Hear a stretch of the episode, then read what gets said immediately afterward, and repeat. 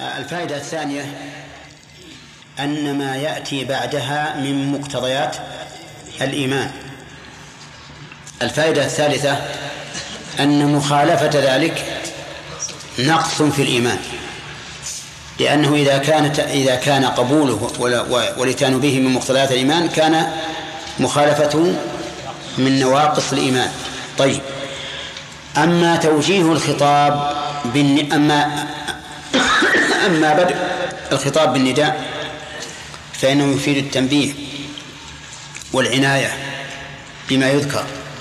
ولهذا قال ابن قال ابن مسعود إذا سمعت الله يقول يا أيها الذين آمنوا فأرعها سمعك فإما خير تؤمر به وإما شر تنهى عنه. يا أيها الذين آمنوا آمنوا الإيمان شرعا هو الإقرار.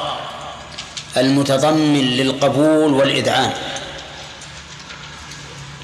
فالإقرار المجرد لا يسمى شرع شرعا إيمانا. بل لا بد من قبول وإذعان قبول ضد الرفض والإذعان ضد الاستكبار. نعم يقول يا أيها الذين آمنوا لا تكونوا كالذين كفروا. يعني مثل الذين كفروا. ثم قالوا وقالوا لإخوانهم وهذا لا شك أنه من جملة كفرهم لأنه دال, دال على ضعف الإيمان. وقول قالوا لإخوانهم قال قال بعض المفسرين إخوانهم في النسب. وقال بعض المفسرين إخوانهم في الكفر. إخوانهم في الكفر. والثاني أقرب. الثاني أقرب. أي قالوا في شأن إخوانهم إذا ضربوا في الأرض. نعم. إذا كان الفرار من الزحف. وانتهى الوقت. إيه. ها؟ اي اي نعم. إذا كان العدد أقوى قوة عدة وليس عدد هل يجوز الفرار؟ أما الآية الكريمة يقول الله عز وجل إن يكن منكم عشرون صابرون.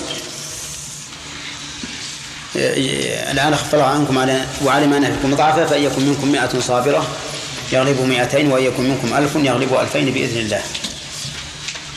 فظاهر الآية الكريمة أن المعتبر العدد.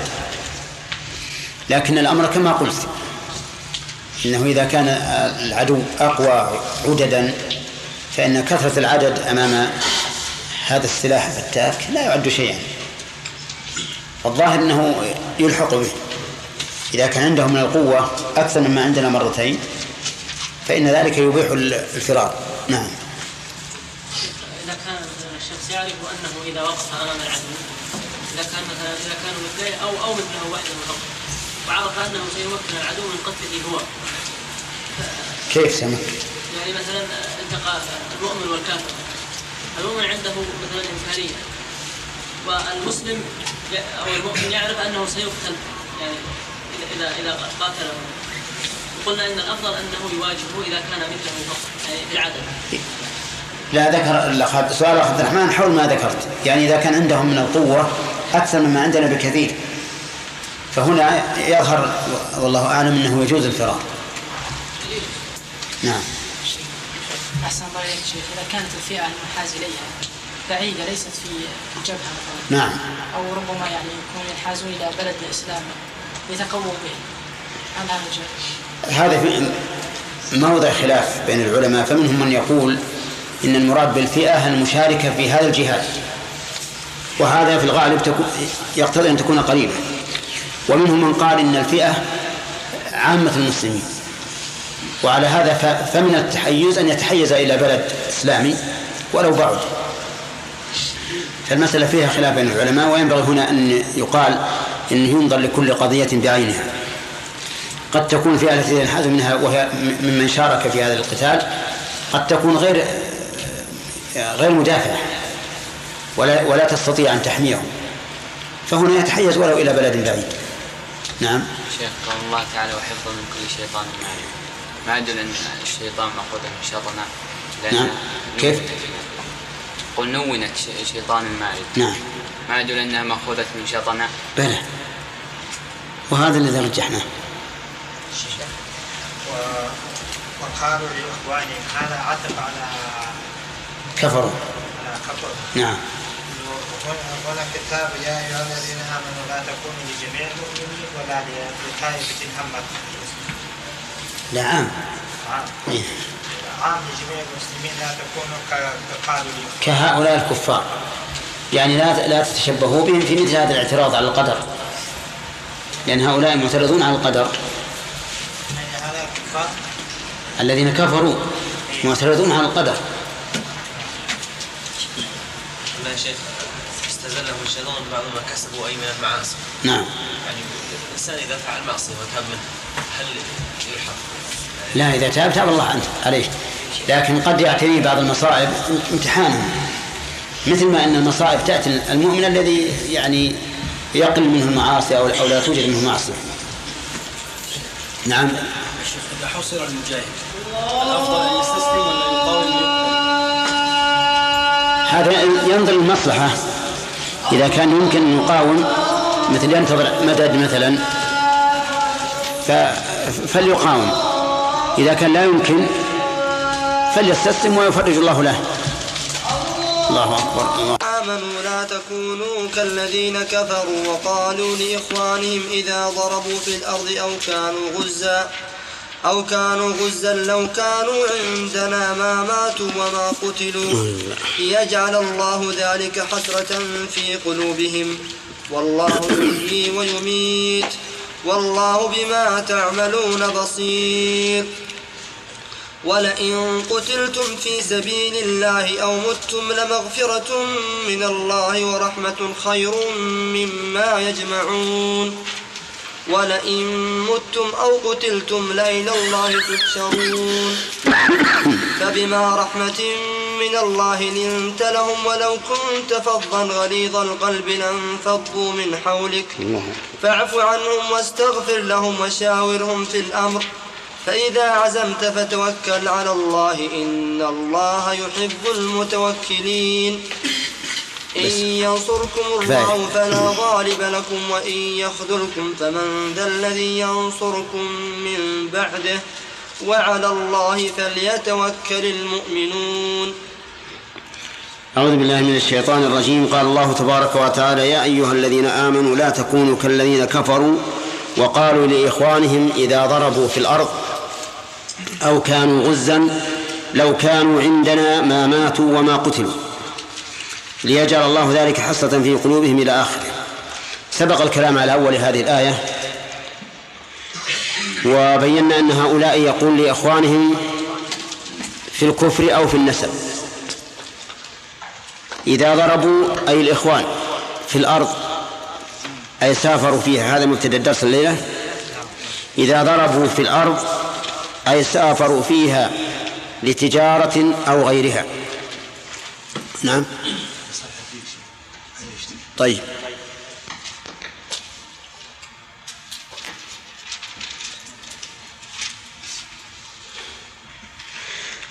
أو كانوا غزا.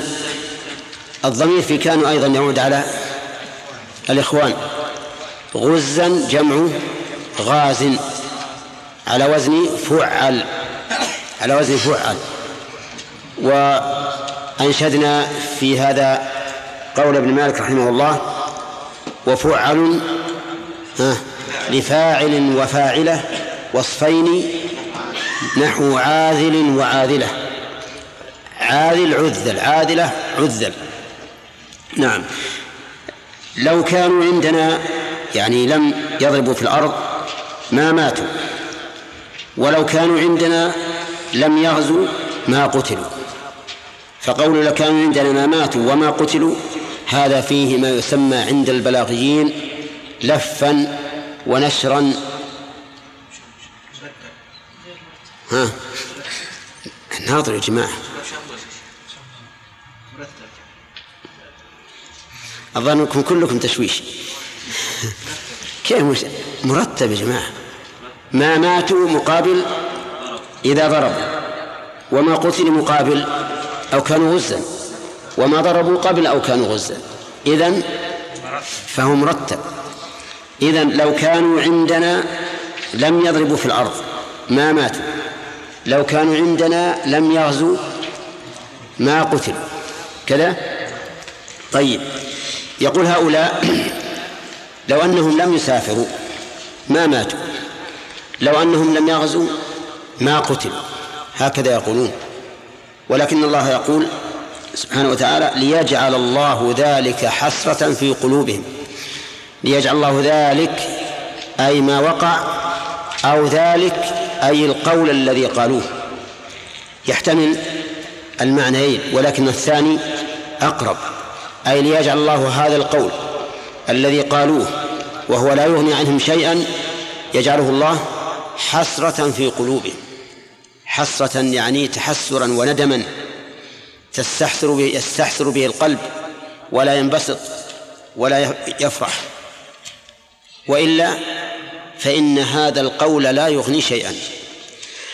واللام في قوله ليجعل سبق أن قلنا إنها للعاقبة. وبينا أن اللام الداخلة على الفعل في مثل هذا. التركيب تكون إما للعاقبة وإما للتعليل وإما زائدة وإما زائدة. فقوله تعالى إنما يريد الله ليذهب عنكم الرجس. هذه زائدة. يريدون ليطفئوا نور الله. اللام.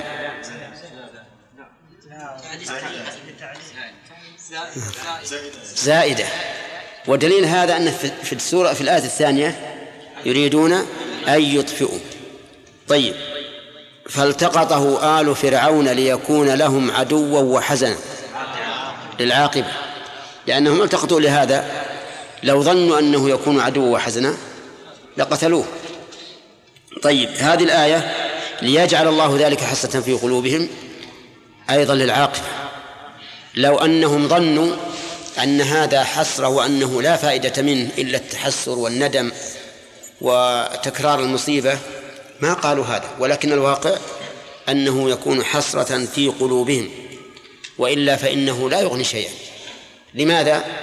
لأن الأمر بيد الله ولهذا قال والله يحيي ويميت. الإحياء والإماتة بيد الله عز وجل. فإذا قدر الله إماتة شخص على سبب من الأسباب يسر له هذا السبب وصار هو نفسه يفعل ذلك السبب. إذا قدر الله تعالى موت إنسان على سبب أو صار غيره يتسبب له. فالحياة فالإحياء والإماتة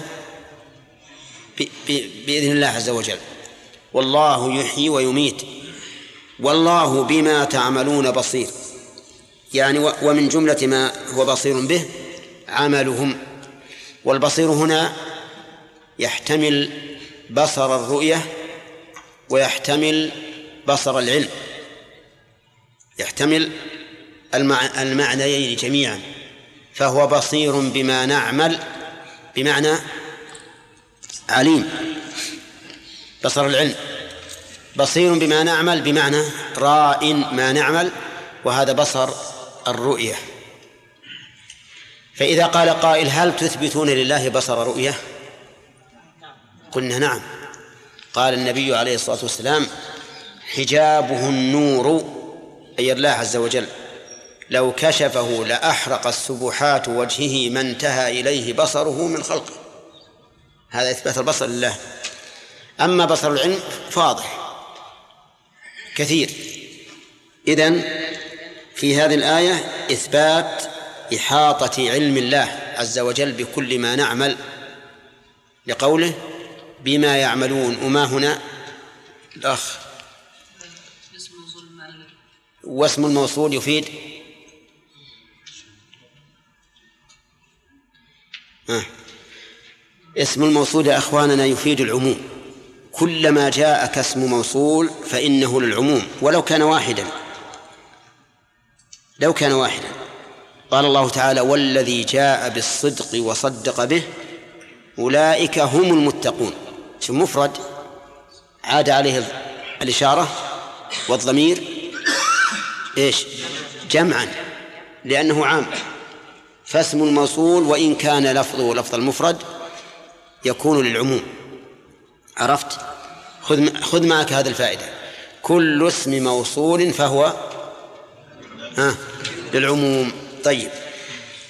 بما يعملون بصير. فيها قراءة ثانية بما تعملون بصير. بما تعملون بصير. فهل في الآية التفات؟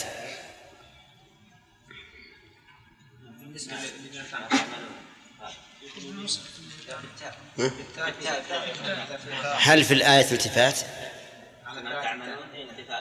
بما تعملون أو بما يعملون.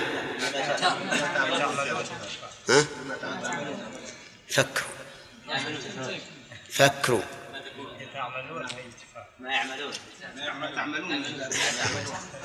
المهم السؤال هل فيها التفات أو لا؟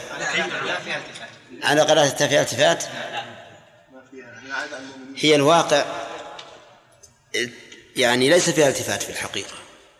لأنه إذا قال بما تعملون فالخطاب في أول الآية موجه للمؤمنين. يا أيها الذين آمنوا لا تكونوا مخاطب. لا تكونوا فإن كنتم فالله بما تعملون بصير. إذا لا التفات. إذا جعلنا بما يعملون عائد للذين كفروا وقال لإخوانهم أيضا فليس فيه التفات. فالحقيقة أنه ليس في الآية التفات سواء جاءت بالتاء أو بالياء.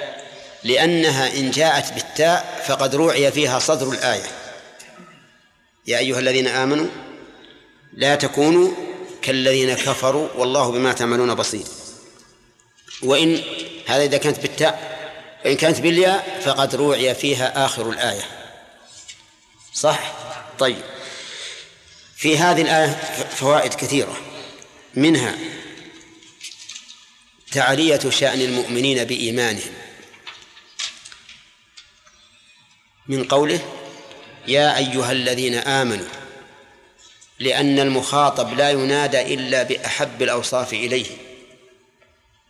ولهذا لو ناديت أحدا بأقبح الأوصاف لسابك وشاتمك ففيه تعلية شأن المؤمنين بإيمانهم.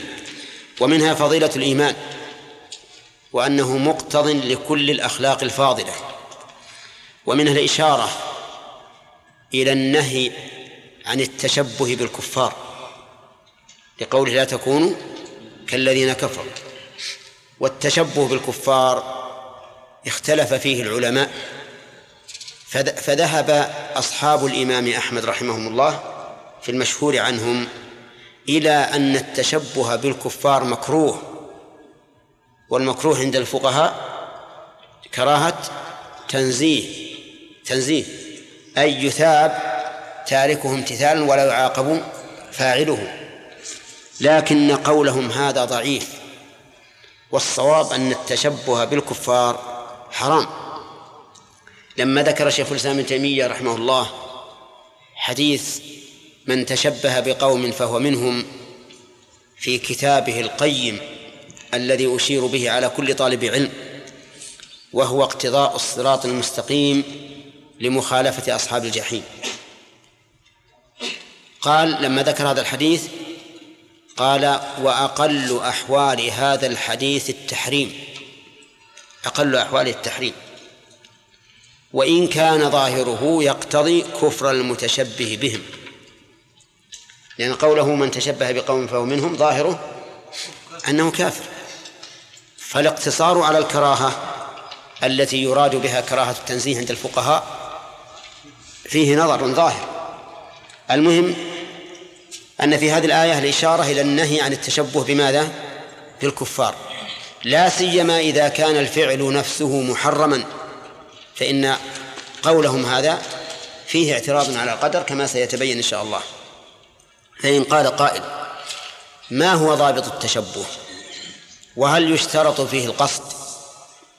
فالجواب أن ضابط التشبه أن يأتي بما يختص بالكفار من لباس أو تحلية جسم أو غيره بحيث أن يقول من رآه هذا من الكفار. عرفتم؟ لأنه لا يمكن أن يقول هذا من الكفار إلا إذا كان الشيء مختصا بهم.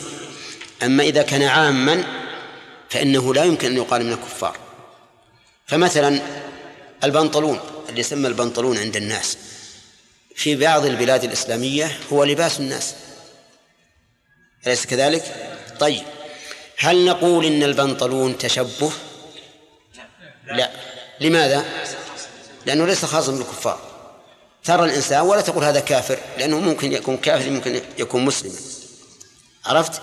طيب لو لبس البنطلون من كانت عادتهم لباس القمص من كانت عادتهم لباس القمص هل يكون تشبها؟ لا لا يا أخي لكنه يكون شهرة وثوب الشهرة منهي عنه ثوب الشهرة منهي عنه أفهمتم؟ انتبهوا للأحكام ومآخذها وعللها لأن هذا مهم لطالب العلم أن يعرف المآخذ والعلل. طيب هل يشترط في التشبه القصد أو لا يشترط؟ لا يشترط. لا يشترط. لأن الإنسان لو قط لو قصد التشبه لكان الخطر عظيما. لأنه لا يقصد التشبه بهم إلا من ملئ قلبه أو كاد يملأ بمحبتهم وتعظيمهم. بل التشبه حاصل بصورة التشبه سواء قصد أم لم يقصد أو أم لم يقصد.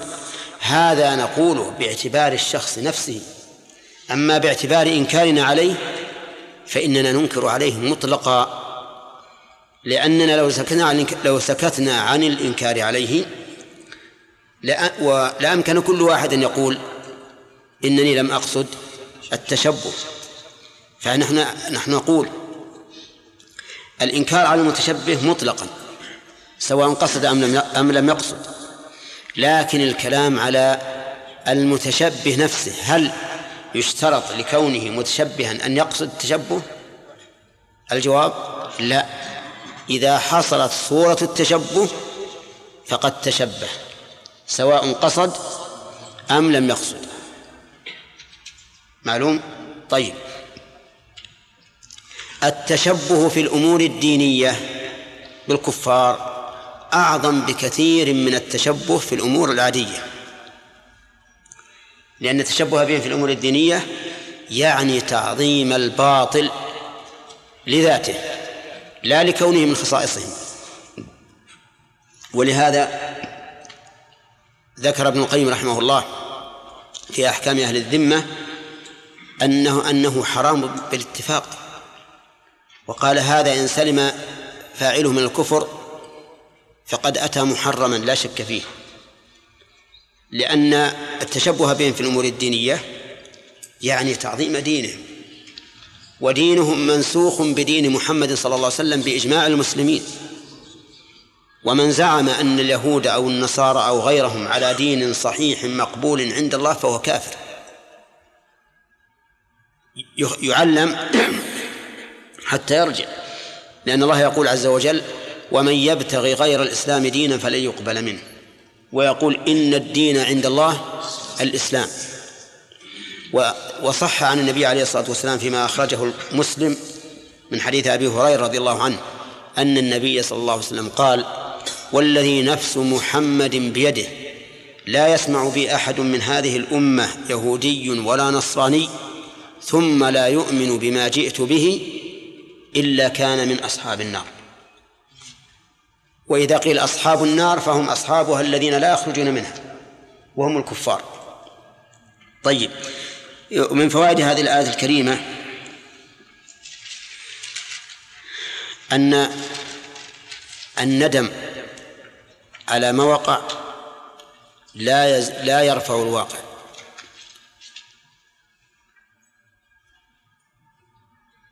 صح؟ نعم. لأن قال والله يحيي ويميت. ومن فوائدها أن هذا الدين رحمة. لأن نهي الله عن الندم على ما مضى مصلحة للإنسان. لأنه يطمئن قلبه ولا يتحسر ولا يحزن. فإنه يقول لنفسه هذا الأمر لا بد أن يقع كما وقع. فلا حاجة أن تقول لو أني فعلت ما حصل. لا حاجة. إنما تقول لو أني فعلت في أمر تكون فرطت فيه. أما شيء لم لم يكن بتفريطك فهذا لا يحل لك أن تتندم عليه. ومن فوائد هذه الآية أنه لو أن شخصا سافر ثم صار عليه حادث فقال أهله لو أنه ما سافر كان أسلم له. لو أنه ما سافر كان أسلم له كما يحصل عليه حادث. نقول هذا من قول الكفار. قالوا لإخوانهم إذا ضربوا في الأرض لو كانوا عندنا ما ماتوا. هذا قول الكفار. المؤمن لا يقول هكذا. المؤمن يقول ما شاء الله كان وما لم يشأ لم يكن ويقول وكل شيء عنده بمقدار ويقول لكل أجل كتاب. وما أشبه ذلك من الآيات الدالة على أن الأمر بيد الله ولا يمكن أن يتغير المقدور عما وقع أبدا. من فوائد هذا هذه الآية الكريمة أن هؤلاء المعترضين على القدر يكون اعتراضهم حسرة حسرة في قلوبهم ولا ينسون المصيبة وتجد الشيطان يلعبهم. ليته ما راح ليته ما غزا ليته ما فعل يلعب به. ولهذا قال النبي عليه الصلاة والسلام مشيرا إلى هذا المعنى احرص المؤمن القوي المؤمن القوي خير وأحب إلى الله من المؤمن الضعيف. القوي في إيش؟ القوي في بدنه. يحمل الحجر الكبير ولا يبالي. وفي ولكن صلاته ضعيفة. نعم. وفي مؤمن ما يحمل إلا عشر كيلو أو شبه ولكنه يتهجد بالليل ويصوم ما شاء الله ويصلي الواجبات. الأول قوي الأول يأخذ الثاني ويضربه إلى فوق. نعم. طيب إذن المؤمن القوي ها في إيمانه لأن القوي وصف عائد على ما سبق على المؤمن والمؤمن مشتق منين من الإيمان. إذن المؤمن القوي في إيمانه ولا بد ما هو المؤمن القوي في بدنه؟ لو قال البدين القوي قلنا معناه القوي في بدنه. ولو قال الرجل القوي قلنا في رجولته. نعم لكن قال المؤمن القوي أي في إيمانه. قوة البدن لا تمدح إلا إذا كان فيها زيادة قوة الإيمان. تمدح.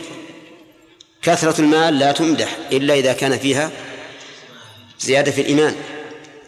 يقول الرسول صلى الله عليه وسلم المؤمن القوي خير وأحب إلى الله من المؤمن الضعيف. ولما كان هذا الكلام من الصادق المصدوق قد يؤدي إلى انحطاط رتبة المؤمن الضعيف. قال وفي كل خير. جبرا لما يتوهم من نقص الضعيف. وفي كل خير. وهذا الأدب من الرسول عليه الصلاة والسلام هو مما أدبه الله به. قال الله عز وجل لا يستوي منكم من أنفق من قبل الفتح وقاتل أولئك أعظم درجة من الذين أنفقوا من بعد وقاتلوا. وش بعده? وكلا وعد الله الحسنى. وقال لا يستوي القاعدون من المؤمنين غير أولي الضرر والمجاهدون في سبيل الله بأموالهم وأنفسهم. فضل الله المجاهدين بأموالهم وأنفسهم على القاعدين درجة. ها. وكلا وعد الله الحسنى. النبي عليه الصلاة والسلام قال المؤمن القوي خير وأحب إلى الله من المؤمن الضعيف وفي كل خير.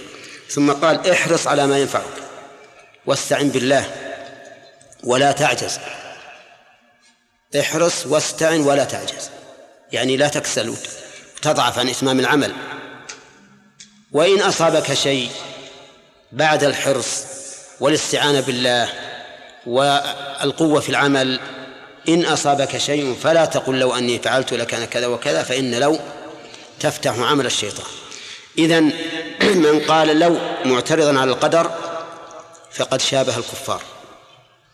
وقد فتح الشيطان عليه وقد فتح على نفسه باب عمل الشيطان. نعم. ومن ومن فوائد هذه الآية الكريمة إثبات أو الرد على القدرية. الرد على القدرية قول ليجعل الله ذلك حصة في قلوبهم. يعني أن الله قدر أن يقول أن يقول هذا القول ليجعله حصة في قلوبهم. ومن فوائد الآية الكريمة إثبات أن الإحياء والإماتة بيد الله. والله يحيي ويميت. وهذا أيضا مؤجل. الإحياء والإماتة مؤجلة بأجل لا يزيد ولا ولا ينقص. أبدا. لا يزيد ولا ينقص. لكل أجل كتاب. طيب. ومن فوائد الآية الكريمة إثبات عموم علم الله عز وجل بكل ما نعمل. لقوله والله بما تعملون أو بما يعملون بصير. ويترتب على هذه الفائدة فائدة مسلكية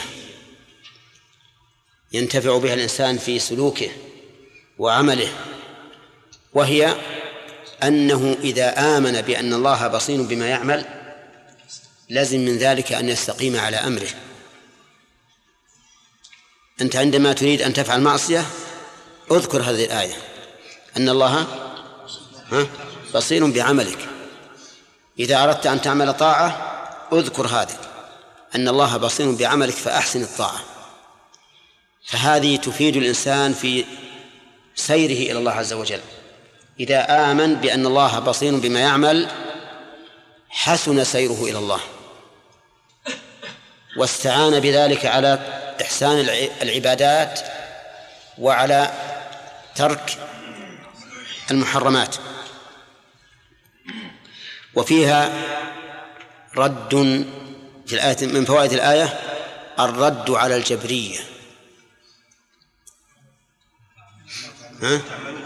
حيث أضاف العمل إليهم والجبرية لا يضيفون العمل إلى الإنسان. يقولون إن الإنسان مجبر على عمله فالإنسان اللي يقول بيده هكذا اختيارا كالإنسان اللي فيه رعشة. كلاهما سواء لا يستطيعان أن يمنع أنفسهما. طيب. ثم قال الله عز وجل إذا قال قائل والله يحيي ويميت. قال مارد لإبراهيم أنا أحيي وأميت. أنا أحيي وأميت. إيش نقول؟ ها؟ نعم. نقول لست أنت الذي تحيي وتميت. أنت تفعل سبب الحياة. و و والموت. وأيضا لست تفعل سبب الحياة الناشئة. تفعل سبب بقاء الحياة. وإلا فالحياة من الله أولا. الإماتة أيضا لست أنت الذي تميت وإنما تفعل سبب الموت. ولو شاء الله أن لا يموت من جرحته جرحا موحيا لم يمت. ولكن إبراهيم عدل عن مناظرته في هذا إلى شيء لا يمكنه أن أن يجادل فيه وهو قال له إن الله يأتي بالشمس من المشرق فأتي بها من المغرب. وش يقول؟ ها؟ ما ما يقول شيء. فبهت الذي كفر. والله لا يهدي القوم الظالمين. وقد ذكرنا حين تكلمنا على هذه الآية أنه ينبغي للمناظر إذا عرف من مناظره الذي يجادله أنه إنما يريد الجدل فليأتي بالحجة الدامغة قبل أن ينازع في حججه. من أجل إسكات الخصم وإفحامه وقطع المنازعة. أما لو قال إبراهيم مثلا أنت لا تحيي ولا تميت ولكن تبقي الحياة أو تفعل سبب الموت؟ صار فيه جدال. وصار سامع القصة يحتاج إلى تصور بعيد. لكن إذا قطع عليه المناظرة إن الله يأتي بالشمس من المشرق فأتي بها من المغرب. لو يجتمع هو كل المردة ما استطاعوا أن يأتوا بها. أبدا. نعم. ثم قال تعالى ولئن قتلتم في سبيل الله أو متم عندكم كذا؟ أو متم. فيها قراءتان. أو متم أو متم. الكسر. لمغفرة من الله ورحمة خير مما يجمعون خير مما تجمعون. قراءتان. إذن ففي الآية هذه كلمتان فيهما قراءتان. الأولى قال مت مأخوذة من مات يموت. وإذا أخذت من مات يموت كيف نقول؟ ها. مت بضم الميم. أو من مات يمات مات. يمات ها؟ مت مات يمات يعني كل لغة عربية. تقول مات الرجل يمات الرجل. مات الرجل يموت الرجل. مات كيخاف. وأصلها موت يموت. هذا أصله. كخاف يخاف أصلها خوف يخوف. إذن هي من باب ها؟ من باب فرح. يفرح. خوف يخوف. طيب فيقال فيها خوف يخوف. نقول فيها إيش؟ متم كما تقول خفتم. كذا؟ طيب.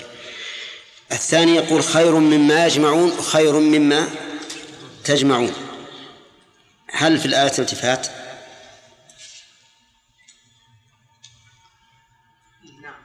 ها. أيهن. الياء ولا التاء؟ الياء. فيها التفات.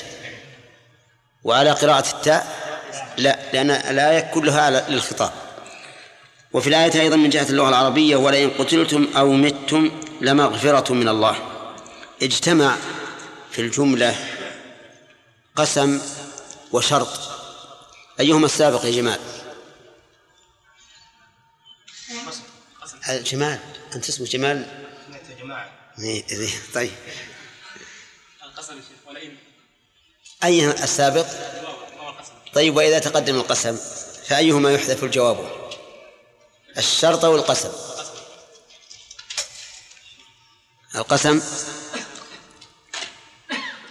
ثابت. جواب المتأخر الشرط أو القسم اللي هو.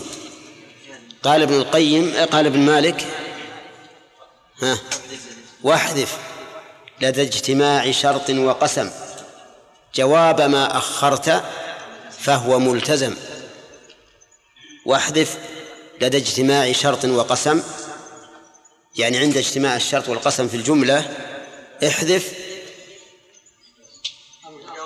جواب ما أخرت لا رول البيت لأنك ما قرأته مرتين. جواب ما أخرت فهو ملتزم. أقرأه الثالثة وأمتحنكم فيه. واحذف لدى اجتماع شرط وقسم. جواب ما أخرت فهو ملتزم. يقرأه علينا من لم يكن حفظه من قبل. شرط. ما حفظت من قبل؟ يلا اقرأ.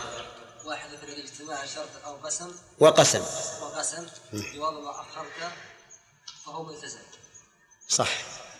هنا المتقدم إيش؟ القسم. إذن الذي يحذف جواب الشرط. وهو كذلك. الآن في الآية هو كذلك. ولهذا جاء جاء الجواب لمغفرة جاء الجواب جواب قسم لمغفرة فاللام هنا واقعة في جواب القسم واللام في لئن موطئة للقسم. وجواب الشرط محذوف. فإن قال قائل كيف يحذف وهو ركن في الجملة؟ قلنا لأنه وجد ما يسد مسده. وهو جواب القسم. يقول الله عز وجل ولئن قتلتم الخطاب للمؤمنين. ولئن قتلتم في سبيل الله أي في الجهاد في سبيله. ويحتمل أن يكون أعم من ذلك. بمعنى قتلتم في سبيل الله في الجهاد أو قتلتم في سبيل الله في الأمر بالمعروف والنهي عن المنكر أو قتلتم في سبيل الله في الدعوة إليه أو قتلتم في سبيل الله في بيان الحق كل هذا داخل في سبيل الله. الجهاد جهاد الكفار الأمر بالمعروف والنهي عن المنكر الدعوة إلى الله بيان الحق. لأن الجامع بينها أن هذا قتل وهو يدافع عن إيش؟ عن دين الله عز وجل. فالذي يقتل في سبيل الله يقول الله عز وجل لمغفرة من الله ورحمة خير مما يجمعون. خير من الدنيا وما فيها. وقوله سبحانه وتعالى أو متم هل نقول إن المعنى أو متم في سبيل الله فيكون المراد به من مات في الجهاد أو أم أو متم مطلقا؟ الظاهر الثاني لأن الله عز وجل لو أراد الأول لقال ولئن قتلتم أو متم في سبيل الله فلما أخر متم عن القيد علم أنه غير مراد في الجملة الثانية. ولهذا يقول العلماء إن الوصف أو الشرط إذا تعقب جملا عاد إلى الكل وإن توسط جملا فهو للأول فهو لما سبقه. إيش القاعدة ذي؟ ما هي قاعدة كل قيد. بشرط أو صفة أو استثناء أو غيره كل قيد. إذا توسط إذا إذا تعقب جملا أي صار في آخرها فهو عائد على الكل. انتبه.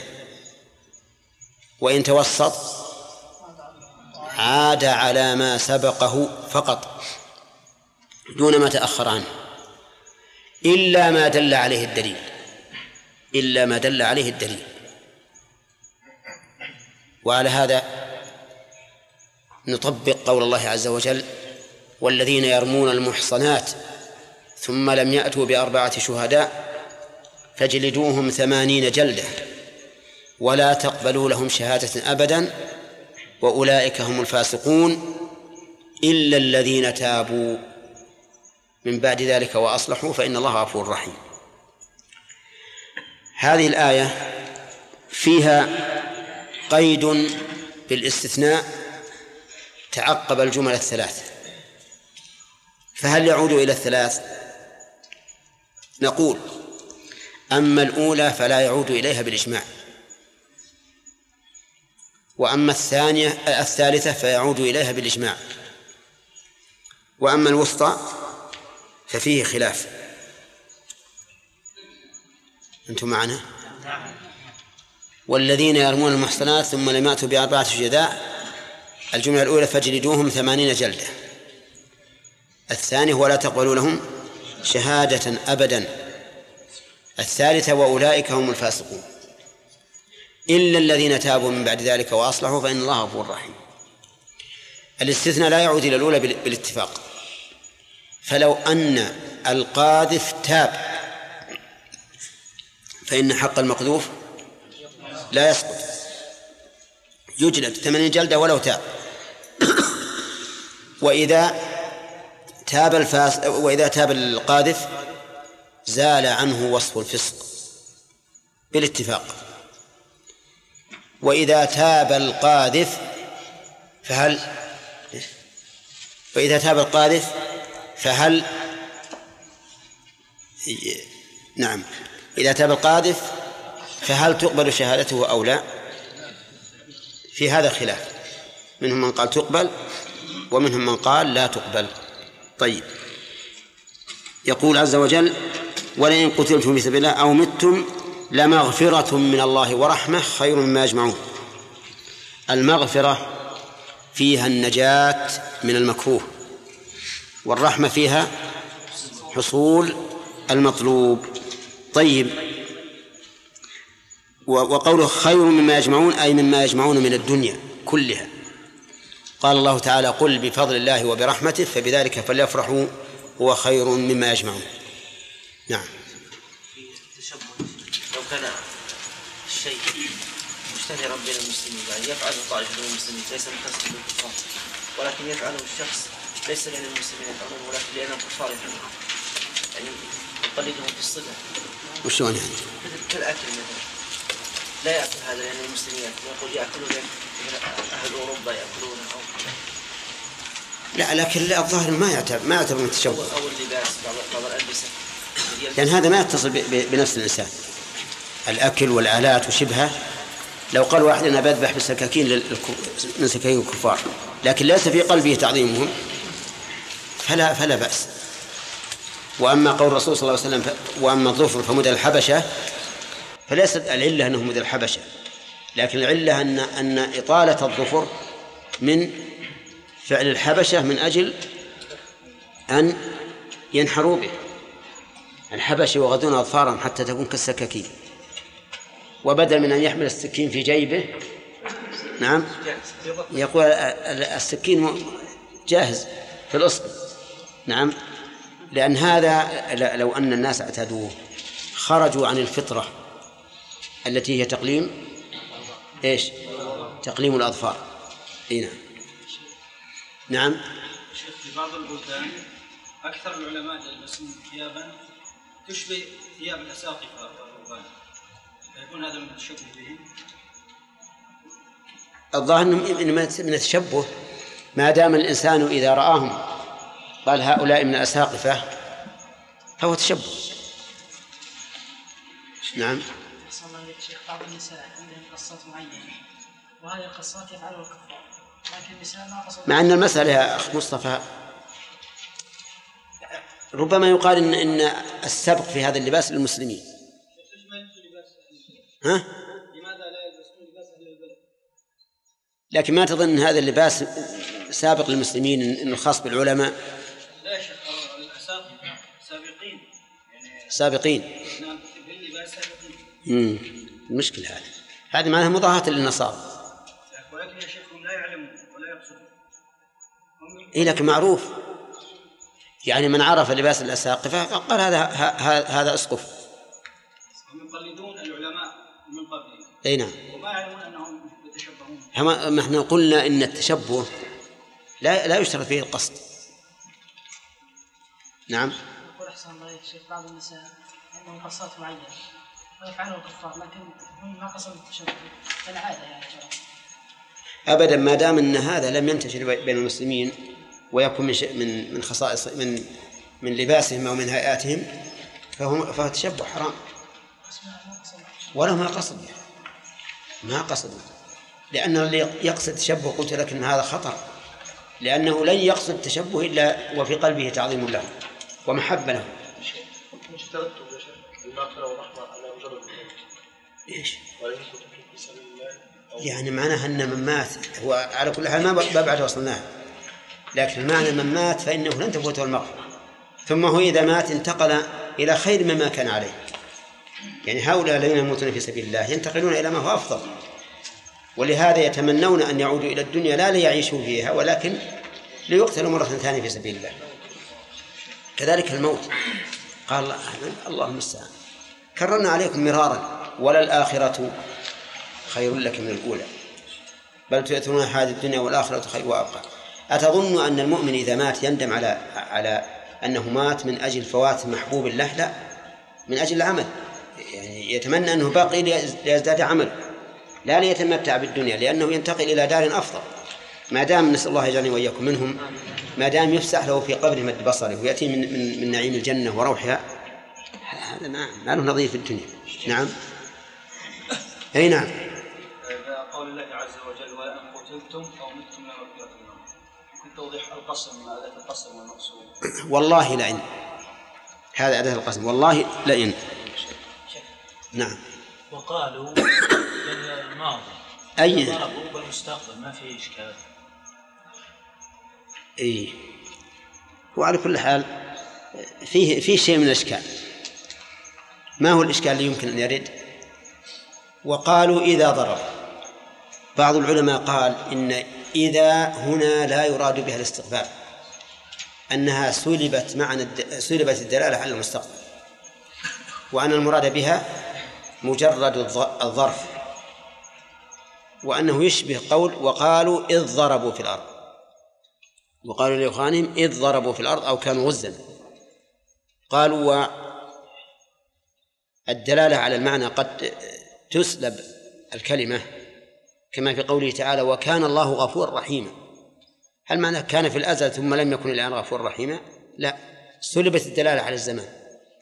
كذلك إذا هنا سلبت الدلالة على المستقبل وصار المراد بها مجرد الزمان فقط.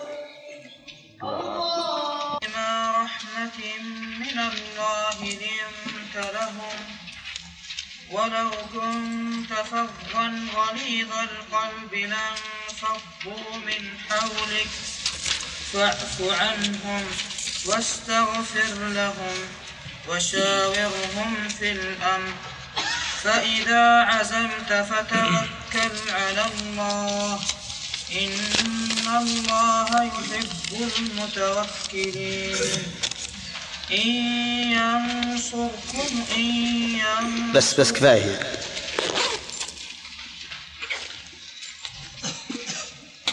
بسم الله الرحمن الرحيم. هذا يسأل يقول عن الذين يعلقون على مصاحف المسجد. اللي يحب يعلق القراءات؟ يشتري مصحف ويعلق عليه هذا طيب. المصحف هذا معلق عليه القراءات. أما الم- المسجد ما يجوز لأنه ربما يأخذه عوام ما يعرفون. ثم هذا يجرئ الناس على تعليقات غير صحيح. لذلك انتبهوا ما ممنوع. تعليق على مصاحف المسجد ممنوع. فهمتم يا جماعة؟ لأن أولا ما هي لنا حتى نعلق عليها والثاني يبي يقرأه يبي يقرأ ناس ما يعرفون عامة. أخشى من هذا.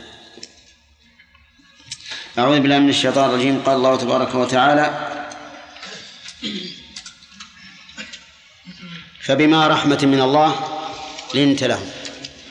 ها؟ على الشرح. وكان ما شرحناها هذه؟ طيب. قال الله تعالى ولئن قتلتم في سبيل الله أو متم لمغفرة من الله ورحمة خير مما يجمعون. ولئن قتلتم. هذه العبارة تكون في القرآن الكريم كثيرا أي أنه يجتمع قسم وشرط. القسم مستفاد من اللام في ولئن لأن اللام هنا موطئة للقسم.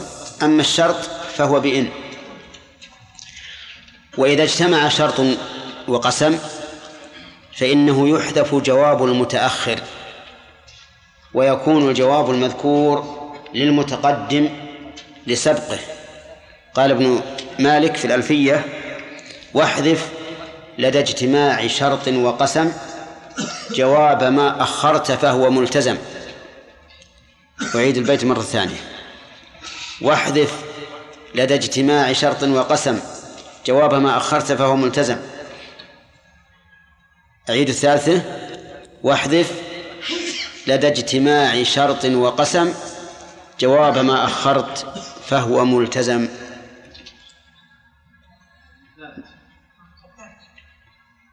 حفظته من قبل؟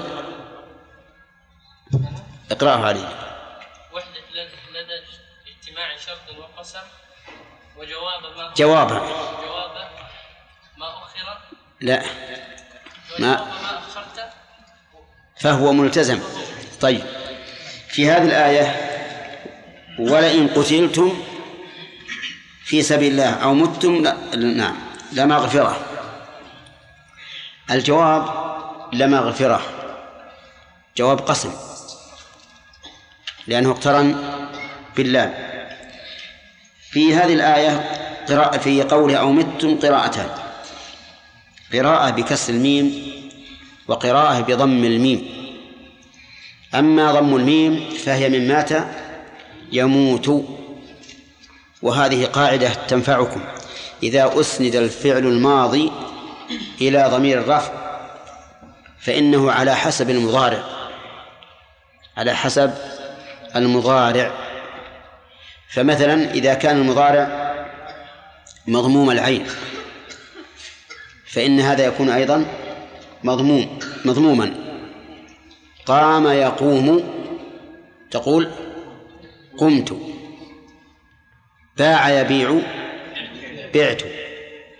خاف خفت. لماذا؟ لأن أصل خوف ويخوف. يخوف مكسور. فتقول خفت. مات يميت مات يمات مت. مات يموت مت. إذا متم إن كان من مات يموت. نعم متم من مات يموت. متم من مات يمات. طيب. يقول يقول هذه قراءتين قراءة في أيضا في قوله خير مما يجمعون فيها قراءتان يجمعون. قراءة بالتاء تجمعون وقراءة بالياء. طيب. هذا الكلام على القراءات والكلام على الإعراب. يقول الله عز وجل مبينا ومسليا لعباده المؤمنين أنهم إذا خرجوا من ديارهم وقتلوا أو ماتوا فإن ما يقبلون عليه خير مما يرحلون عنه. وهذا متصل بما قبله لو كانوا عندنا ما ماتوا وما قتلوا إلى آخره. يعني يقول لو متم أو قتلتم فإن هذا لا ليس حسرة هذا خير. ولئن قتلتم في سبيل الله أي في الجهاد في سبيل الله. ويحتمل أن يكون المعنى أعم من الجهاد في سبيل الله بالسلاح. ليشمل الجهاد في سبيل الله بالدعوة إلى الله عز وجل. والعلم. فمن قتل لكونه داعية فإنه مقتول في سبيل الله. لأنه كالمجاهد بسلاحه وقوله أو متم يعني دون أن تقتلوا في سبيل الله لمغفرة من الله ورحمة خير مما يجمعون من الدنيا كلها. لمغفرة لمن؟ لكم. من الله ورحمة لكم أيضا. والفرق بين المغفرة والرحمة أن المغفرة بها زوال المكروه والرحمة بها حصول المطلوب أي أنكم يحصل لكم مطلوبكم وتنجو تنجو تنجون من مرهوبكم. والمغفرة هي ستر الذنب والتجاوز عنه. والرحمة صفة من صفات الله عز وجل لكنها تقتضي الإحسان إلى المرحوم والإنعام عليه. وفي قوله لمغفرة من الله إضافة المغفرة إلى الله تدل على عظمة هذه المغفرة وذلك لأن الشيء يعظم بعظم باذله. فمثلا إذا قلت أعطاني الملك عطية وقلت أعطاني الصعلوك عطية. الصعلوك من هو؟ الفقير. نعم. طيب. ماذا يتصور الناس إذا إذا قلت أعطاني الملك عطية؟ أنها كثيرة. أعطاني الصعلوك عطية أنها خمس وعشرين هللة. نعم قليلة. فالشيء يعظم بحسب ما إيش؟ ما يضاف إليه. فلهذا قال مغفرة من الله. من الله. أي ابتداؤها منه. فهو الذي يبتدئ بها عز وجل ويتفضل بها. ورحمة يعني منه خير مما يجمعون أو خير مما تجمعون من الدنيا كلها. في هذه الآية الكريمة من الفوائد أن من قتل في سبيل الله أو مات من المؤمنين فقد انتقل إلى خير من الدنيا. نعم. طيب خ... أنه انتقل إلى خير من الدنيا كلها لقوله خير مما يجمعون ومن فوائدها منة الله عز وجل على عباده بتسليتهم في الأمور التي يهمهم فواتها.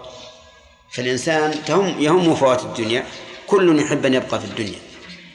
فإذا جاءت التسلية من الله وقيل إنك إذا مت أو قتلت انتقلت إلى ما هو خير فإن الإنسان يتسلى بهذا. ويقول الحمد لله أنني إذا انتقلت إلى الآخرة فأنا أنتقل إلى خير من الدنيا. ومن فوائد الآية الكريمة الجمع بين المغفرة والرحمة. ليكمل للإنسان سعادته. إذ أن بالمغفرة زوال المكروه وبالرحمة حصول المطلوب.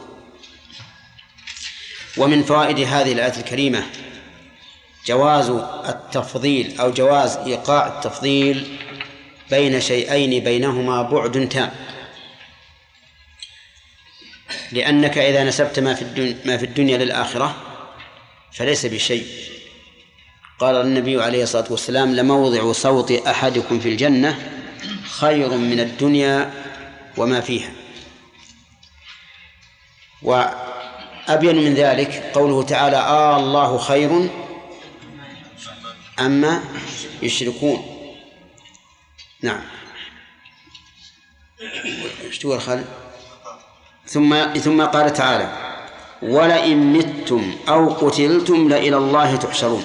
نقول في لئن متم من حيث الإعراب ما قلنا في الآيات التي قبلها أي أنه اجتمع فيها جواب قسم وشرط فحذف جواب الشرط. وقوله ونقول في متم قراءتان كما في في الآية التي قبلها بكسر الميم على أنها من مات يمات وبضم الميم على أنها من مات يموت. يقول عز وجل إن متم أو قتلتم فإن مرجعكم إلى الله مهما طالت بكم الأيام أو قصرت المرجع إلى الله. وإذا كان المرجع إلى الله فإن الإنسان سوف يبقى مطمئنا. إذ أن من كان مرجعه إلى الله عز وجل فإنه لا يخاف ظلما ولا هضما. بل إنه إذا كان مؤمنا فإنه يستبشر. كيف ذلك؟ لقول الله تعالى واتقوا الله واعلموا أنكم ملاقوه. نعم. وبشر المؤمنين. وبشر المؤمنين. ولما حدث النبي عليه الصلاة والسلام عائشة فقال من أحب لقاء الله أحب الله لقاءه ومن كره لقاء الله كره الله لقاءه. قالت يا رسول الله كلنا يكره الموت. ولقاء الله يكون بالموت قال ليس الأمر كذلك. ولكن المؤمن إذا حضره الأجل فبشر بالجنة اشتاق إلى ربه وأحب لقاء الله. والكافر والعياذ بالله إذا حضره الأجل بشر بالنار فكره لقاء الله فكره الله لقاءه. ففي هذه الآية أن المرجع إلى الله عز وجل مهما طالت بالإنسان الحياة وعلى أي صفة كان موته سواء كان بقتل أو بغيره فالمرجع إلى الله. ومن فوائدها زيادة التسلية زيادة التسلية للمؤمنين. لأن المؤمن إذا علم أن مرجعه إلى الله فإنه سوف يطمئن وسوف يستبشر وينشرح صدره بذلك. ومن فوائدها إثبات لقاء الله عز وجل بقوله لا إلى الله تحشرون. ومن فوائدها أيضا إثبات الحشر. يوم القيامة فإن الناس يقومون من قبورهم ويحشرون إلى الله عز وجل ليجازيهم. ثم قال تعالى فبما رحمة من الله لنت لهم. أولا الإعراب ألفا عاطفة والبا حرف جر وما زائدة. ولكنها زائدة لفظا زائدة معنى أي تفيد زيادة المعنى. وقد كره بعض العلماء أن تقول أن تقول زائدة أو أن تقول عن حرف في القرآن أنه زائد. قال لأن القرآن لا زيادة فيه. ولكن نقول إن المراد بقولنا زائدة أي من حيث الإعراب لا من حيث المعنى. من حيث الإعراب لا من حيث المعنى. طيب. وقوله فبما رحمة إذا جعلنا ما زائدة تكون ما تكون رحمة مجرورة بالباء نعم. وهذا في القرآن كثير. ومنه قوله تعالى فبما نقضهم ميثاقهم. أي فبنقضهم ميثاقهم. ومنها ومنها قوله تعالى قال عما قليل ليصبحن نادمين. أي عن قليل. وقوله فبما رحمة من الله لنت لهم الجار مجرور متعلق بلنت بالفعل في لنت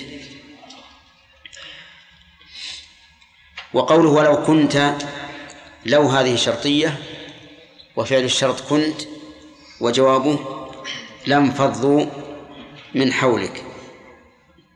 والباقي ليس فيه مشكل. يقول الله عز وجل مخاطبا نبيه صلى الله عليه وسلم ومبينا نعمته عليه وعلى أمته يقول فبما رحمة من الله لنت لهم. أي فبسبب رحمة الله لك ولأمتك أنك لين لهم. لنت لهم أي كنت لينا. لينا في مقامك في مقالك. لينا في جلوسك. لينا في مقابلتك. في كل أحوالك.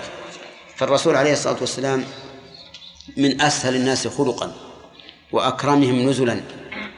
و وقد قال الله عنه وكفى به قولا وإنك لعلى خلق عظيم.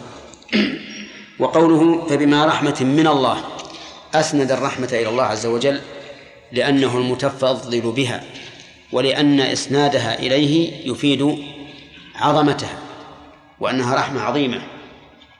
وقول لنت لهم الضمير يعود على الصحابة رضي الله عنهم وعلى من بعدهم أيضا. لأن التشريع الذي يقع في في عهد الصحابة تشريع لهم وللأمة إلى يوم القيامة. كونه رحمة له واضح. كونه رحمة لهم واضح أيضا من أجل أن يألفوه ويستأنسوا به وتتسهل معاملته إياهم. ولهذا كان النبي عليه الصلاة والسلام لا يخير بين شيئين إلا اختار أيسرهما ما لم يكن إثما. قال الله عز وجل ولو كنت فظا غليظ القلب لانفضوا من حولك. هذه عطفا على قوله ولو لنت لهم. اللين يقابله الشدة. الشدة تكون في الهيئة في القول في القلب. قال ولو كنت فظا الفظ الجافي الشديد في مقاله تجده جافيا ما يهتم بأحد يقابل الناس يصعر خده لهم لا يهتم بأحد. جافي على سن أيضا في قوله تجده عنيفا شديدا لا يلين. الغلظ هذا في القلب. تجد قلبه قاسيا لا يرحم ولا ينزل الناس منازلهم ولا ينظر إلى إلى الأحوال المقترنة بالأفعال. أحيانا تكون هناك أحوال تقترن بفعل الشخص يعذر بفعله من أجل من أجلها. فتجد غليظ القلب والعياذ بالله. يعامل الناس معاملة واحدة. لا ينظر إلى أحوالهم ولا ينظر إلى ظروفهم كما يقولون وإنما تجده غليظ القلب قاسيا لا يلين. ومن أعظم ما يدل على ذلك ما ما يبدر من بعض الناس في في معاملة الصغار. تجده في معاملة الصغار عنيفا. يريد من الصغير أن يكون أدبه كأدب الكبير. وهذا لا شك أنه خطأ خطأ عظيم. وهذا من غلظ القلب. ولما رأى الأقرع بن حابس النبي صلى الله عليه وسلم يقبل الحسن أو الحسين قال تقبلون أولادكم؟ قال نعم. قال إني لعشرة من الولد ما قبلتهم. قال أو أملك لك أن نزع الله الرحمة من قلبك؟ نعم. فالإنسان ينبغي له أن يكون رحيما وأن يكون لين القلب. قال الله تعالى ولو كنت فظا الفظ ماذا قلنا فيه؟ الجافي الشديد القول. غليظ القلب القاسي القلب الذي لا يلين قلبه لأي سبب من الأسباب. يقول لانفضوا من حولك انفضوا أي تفرقوا. وخرجوا. ومنه قوله تعالى وإذا رأوا تجارة أو لهوا انفضوا إليها أي تفرقوا إليها وخرجوا. وقوله لانفضوا من حولك ولم يقل منك لأن من حولك أبلغ من قوله منك. يعني انفضوا وبعدوا حتى لا يقربون إلى مكان قريب منك. انفضوا من حولك حتى يعني يبعدون حتى عما قارب مكانك. يقول عز وجل فاعف عنهم هذا تفريع على قوله فبما رحمة من الله لنت لهم. فاعف عنهم إذا قصروا في حقك. والعفو والتسامح وعدم المؤاخذة. واستغفر لهم في حق الله عز وجل إذا قصروا فيه. فالصحابة قد يقصرون في حق الرسول عليه الصلاة والسلام وقد يقصرون في حق الله. أما في حق الرسول فقال اعف عنه. وما أكثر ما يحصل من جفاة الأعراب أو غيرهم من الكلام المسيء إلى رسول الله عليه الصلاة والسلام ولكنه يصبر ويتحمل ويعفو عنهم إلى حد أن رجلا من الأنصار قال له لما حكم له في خصومة بينه وبين الزبير بن العوام. قال له رجل من الأنصار أن كان ابن عمتك يا رسول الله؟ هذا اتهام اتهام فظيع. الزبير بن عوام أمه صفية بنت عبد المطلب عمة الرسول عليه الصلاة والسلام. فقال هذا الرجل الأنصاري عفى الله عنه قال أن كان ابن عمتك يا رسول الله. وقال له رجل وهو يقسم فيئا قال إن هذه لقسمة ما أريد بها وجه الله وجه الله. وقال له اعدل. كل هذه الكلمات كان النبي عليه الصلاة والسلام يصبر ويحتسب الأجر من الله. ويعفو حتى أحيانا يأتيه من زوجاته ما يأتيه مما يحصل من الغيرة بين النساء وهو يعفو عنه. قال واستغفر لهم يعني ما أخطأوا فيه من حق الله. يعني اسأل الله أن يغفر لهم. كما قال تعالى واستغفر لذنبك وللمؤمنين والمؤمنات. وشاورهم في الأمر. شاورهم في الأمر الضمير يعود في شاورهم يعني لأصحابك. شاور أصحابك في الأمر والمشورة هي استطلاع الرأي. استطلاع الرأي بحيث يعرض الشيء على على المستشار ليستطلع رأيه وينظر ما رأيه فيه. والمستشار مؤتمن. يجب عليه أن يؤدي الأمانة على الوجه الذي يرى أنه أصلح لمستشيره. وقوله عز وجل في الأمر كلمة الأمر محل أولا آه، المراد بها واحد. ها. الأمور. لا واحد الأوامر. لأن الأوامر ما يستشير فيها أحدا. الأوامر يأمر بها شرع. لكن في الأمر أي في الشأن وهو مفرد محلا بأل. فهل أل هذه للعموم أي شاورهم في كل أمر أو هو عام أريد به الخاص؟ أي شاورهم في الأمر الذي يكون مشتركا أو يشتبه عليك وجهه. أم ماذا الثاني لا شك. الثاني بلا شك. لأنه لا يمكن أن الرسول عليه الصلاة والسلام يأمره الله بأن يشاورهم في كل شيء إنما يشاورهم في في الأمر العام. الأمر العام المشترك. نعم. بدليل قوله تعالى وأمرهم شورى بينهم. أمرهم الذي يجمعهم جميعا شورى بينهم.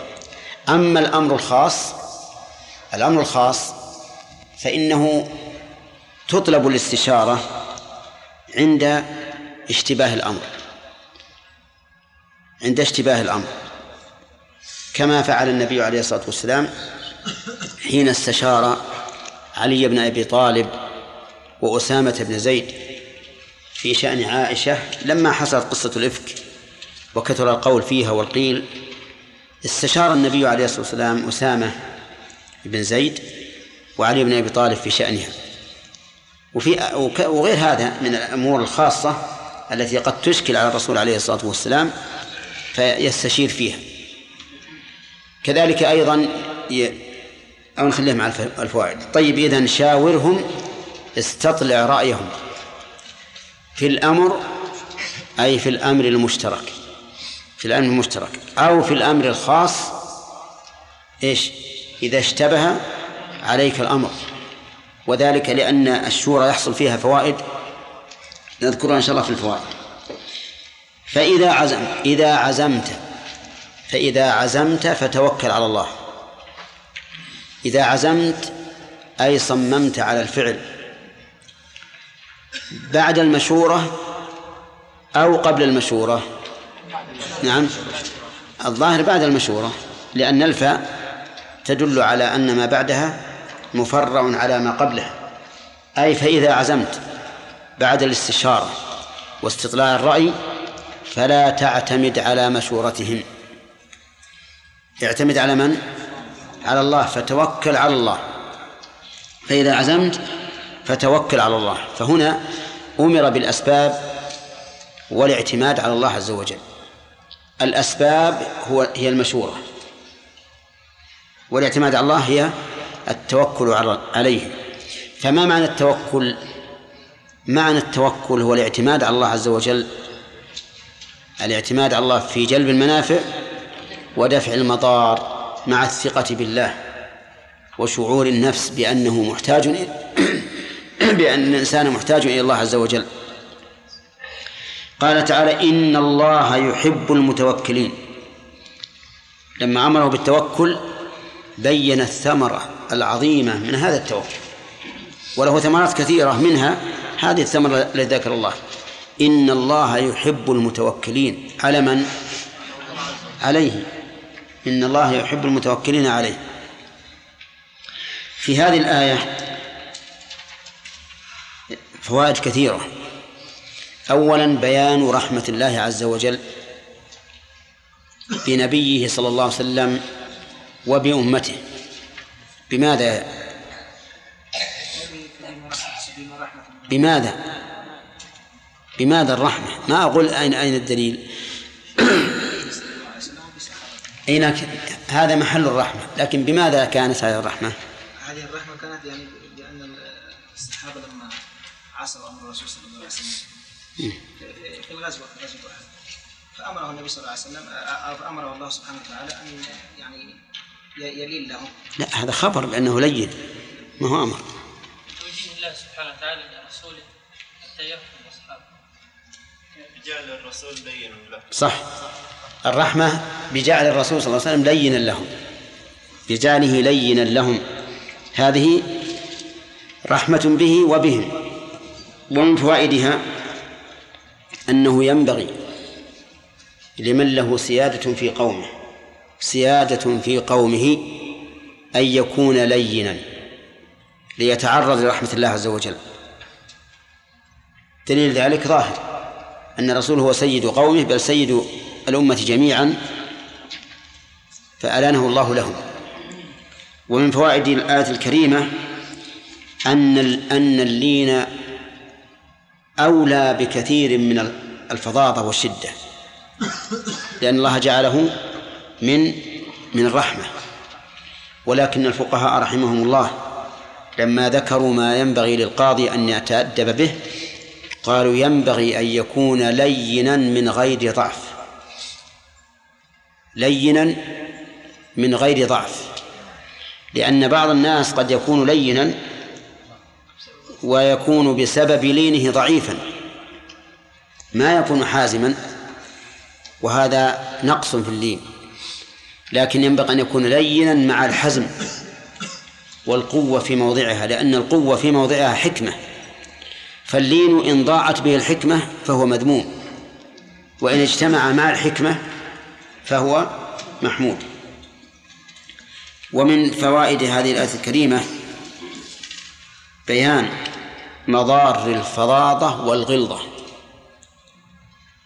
وأن من أعظم مضارها نفور الناس عن الإنسان إذا كان فظا غليظا غليظ القلب لقوله صلى الله لقوله تعالى لرسوله ولو كنت فظا غليظ القلب لانفضوا من حولك. هذا مع أنهم يرجون من قربهم من الرسول عليه الصلاة والسلام ما يرجون.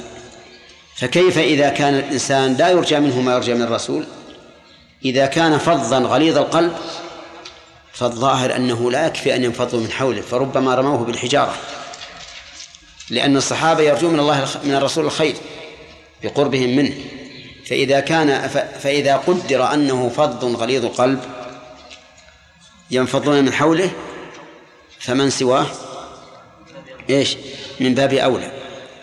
ومن فوائد هذه الآية الكريمة الإشارة إلى أنه ينبغي للإنسان أن يستعمل مع الناس كل ما يجلبهم إليه. وجهه أن الله جعل نعم أنه جعل الفظاظة والغلظة سببا للتنفير على سبيل الذم لا على سبيل المدح. فينبغي للإنسان أن يستعمل في معاملة الناس كل ما يقربهم إليه بشرط أن لا يضيع شيئا من من الواجبات. ومن فوائد هذه الآية الكريمة أن الإنسان قد يعذر في الابتعاد عن أهل الخير إذا كانوا جفاة غلاظ القلوب. لقوله تعالى لانفضوا من حولك ويعني بهم من؟ الصحابة. ويعني المفض عنه الرسول. فإذا كان الصحابة لا يلامون على الانفضاض من الرسول لو كان فضلا غليظ القلب فما بالك بمن دونه بمراحل؟ فلهذا إذا كان الإنسان فظا غليظا ولم ير الناس حوله لا يلومن إلا إلا نفسه. ونحن نرى الآن أن الإنسان ربما يكون كافرا. فإذا كان يعامل الناس باللين والرفق والبشاشة والسماحة ربما يفضلونه على على مسلم فظ غليظ القلب. ومن فوائد الآية الكريمة أنه ينبغي للإنسان أن يعفو عن حقه في معاملة إخوانه لقوله فاعفوا عنهم ولكن هذه الآية مقيدة بما إذا كان العفو إصلاحا.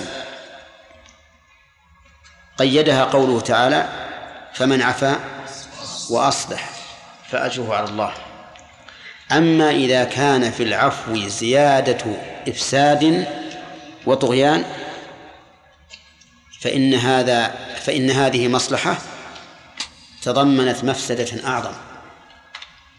مثل لو كان الجاني معروفا بالشر والفساد فهل الأولى أن نعفو عنه أو أن نؤاخذه بالذنب؟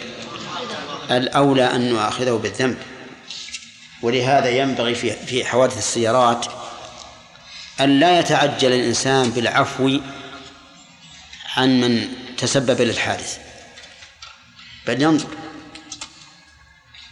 إذا كان من من الرجال المتهورين الذين إذا عفونا عنه اليوم نعم أحدث حادثا غدا فهنا الأولى أن لا نعفو الأولى أن لا نعفو. أما إذا علمنا أن الرجل شديد الحرص على سلامة الأنفس والأموال ولكن هذا أمر قدر ونعلم أنه سوف يتحرز غاية التحرز في المستقبل فإن الأولى في هذا العفو. إذن فالعفو مقيد بماذا؟ بالإصلاح فمن عفا وأصلح. طيب. وهل العفو واجب؟ ليس بواجب. نعم. لأن الله يقول ولمن انتصر من بعد ظلمه فأولئك ما عليهم من سبيل. فمن انتصر لنفسه بعد أن ظلم فليس عليه سبيل. لكن الأفضل أن يعفو إذا كان في العفو إصلاح. ومن فوائد هذه الآية الكريمة أن النبي عليه الصلاة والسلام أن التفريط في حق النبي عليه الصلاة والسلام قد يكون ذنبا. لأن الله لما أمر نبيه بالعفو عن حقه الخاص قال واستغفر لهم. وهو كذلك. فإن الرسول عليه الصلاة والسلام ليس كغيره لأن له حق حق الإسلام وحق الرسالة ولأنه أعظم الناس حقوقا علينا. فالاعتداء في حقه أشد من غيره يكسب الإثم. ولهذا قال اعفو عنهم واستغفر لهم. اللي غير الرسول صلى الله عليه وسلم إذا عفى الإنسان عن حقه الخاص انتهى. لكن الرسول عليه الصلاة والسلام لما كان الأمر الذي يتعلق به متعلقا بحق الله عز وجل قال واستغفر لهم. ولهذا لو سب أحد شخصا من الناس لم يكفر. ولو سب النبي صلى الله عليه وسلم كفر لعظم حقه. ومن فوائد الآية الكريمة الأمر بالمشاورة مشاورة المسلمين في شؤونهم فيما يتعلق بالشؤون. نقف على هذا. وشاورهم في الأمر. بين بين قوله تعالى ولو كنت فظا غليظ القلب. يعني سبب إن هذا سبب للانفضاض يعني من حول الرسول وبين ما كان عليه الرسول صلى الله عليه وسلم من من الهيبة. كانوا يهابون الصحابة يعني يهابون أن يكلموه في بعض الأمور. إي نعم. الهيبة هذه شيء في القلب يقع. لكن المهيب ليس فيه شيء من هذا. ولهذا في من صفاته أنه من رآه بداهة هابة ومن خالطه محب ومن خالطه الكلمة أحبه. فهو عليه الصلاة والسلام يهاب إجلالا وتعظيما. لا من أجل أنه هو نفسه فضل غليظ القلب نعم. أحسن الله إليك. أقول أحيانا في العفو يضطر الإنسان يا شيخ أن أقول يتجافى ويغض الطرف عن مسألة الإصلاح. وذلك مثل مثل أن يكون الجاني مثلا فقيرا. فإذا مثلا اعتدى في حادث السيارة وما شابه ذلك؟ يعني يضطر الإنسان أن يغض الطرف عن مسألة يعني هل العفو سيكون في إصلاح أو لا؟ نظرا إلى هذا الشخص فقير. فمثلا لو قال نعم. يعني لو قال مثلا سألزمه حتى يتأدب ويصلح ولا يهدي على الناس نعم يعني حده إلى شيء صعب جدا. تجده فقير ما على كل حال ما يخالف. هو الأمر بيده. نعم. إذا رأى أن المسألة ستكون فيها ضرر عليه يعفو فيما بعد. نعم. عندك سؤال؟ ما هو؟ هذا واحد قبلك. الله عز وجل لا إله اللام للتأكيد اللام واقعة في جواب القسم لأن المحذوف هو جواب الشرط. نعم.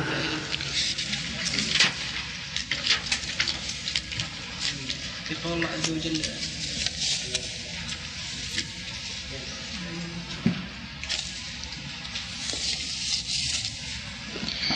الآية الأولى لا إلى الله ترجعون في تحشرون اللام واقع في جواب القسم نعم.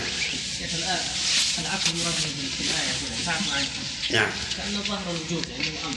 نعم. يعني ما يختص عن العفو المطلق.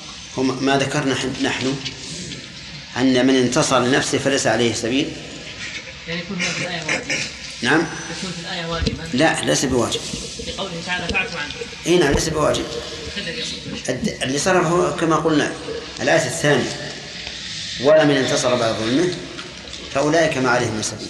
فمن عفا وأصلح فأجر على الله إنه لا يحب الظالمين ولمن انتصر بعد ظلمه فأولئك ما عليهم من سبيل. نعم.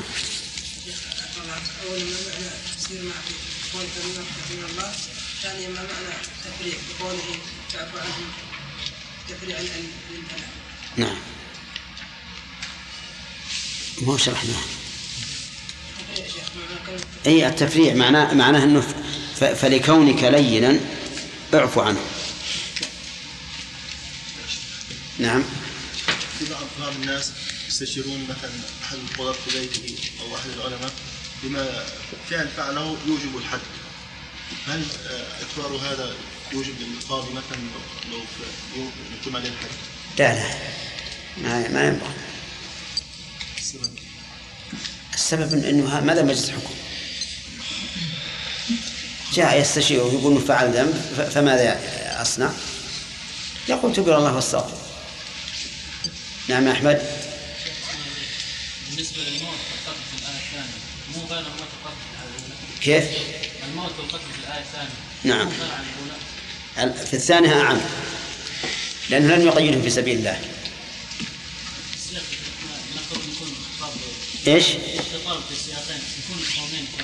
وغيرهم أي نعم. يمكن. نعم. مع أن كما قلنا لكم إن إن إن, إن الظاهر أنه خطاب المؤمنين وأنه إذا حشروا إلى الله فالله مولاهم. وكما قال وبشر المؤمنين. نعم. أحسن أحسن عليك الدعاة والبدعة هل من الحكمة مع معاملتهم لهم بالليل أم بدعوتهم الدعاة إلى البدعة هل الحكمة دعوتهم بالليل أم بالظاهر؟ إذا أمكن دعوتهم بالليل فهو أولى. لكن إذا أصروا واستكبروا استكبارا فحينئذ نعاملهم بما يستحقون. ولكن ليس الأمر إلينا. يعني مثلا قال أنا أريد أن أضرب هذا المبتدئ. نعم؟ أو أرجمه بالحجارة. أو أغلق عليه بيته. نقول هذا ليس إليك. نعم يوسف.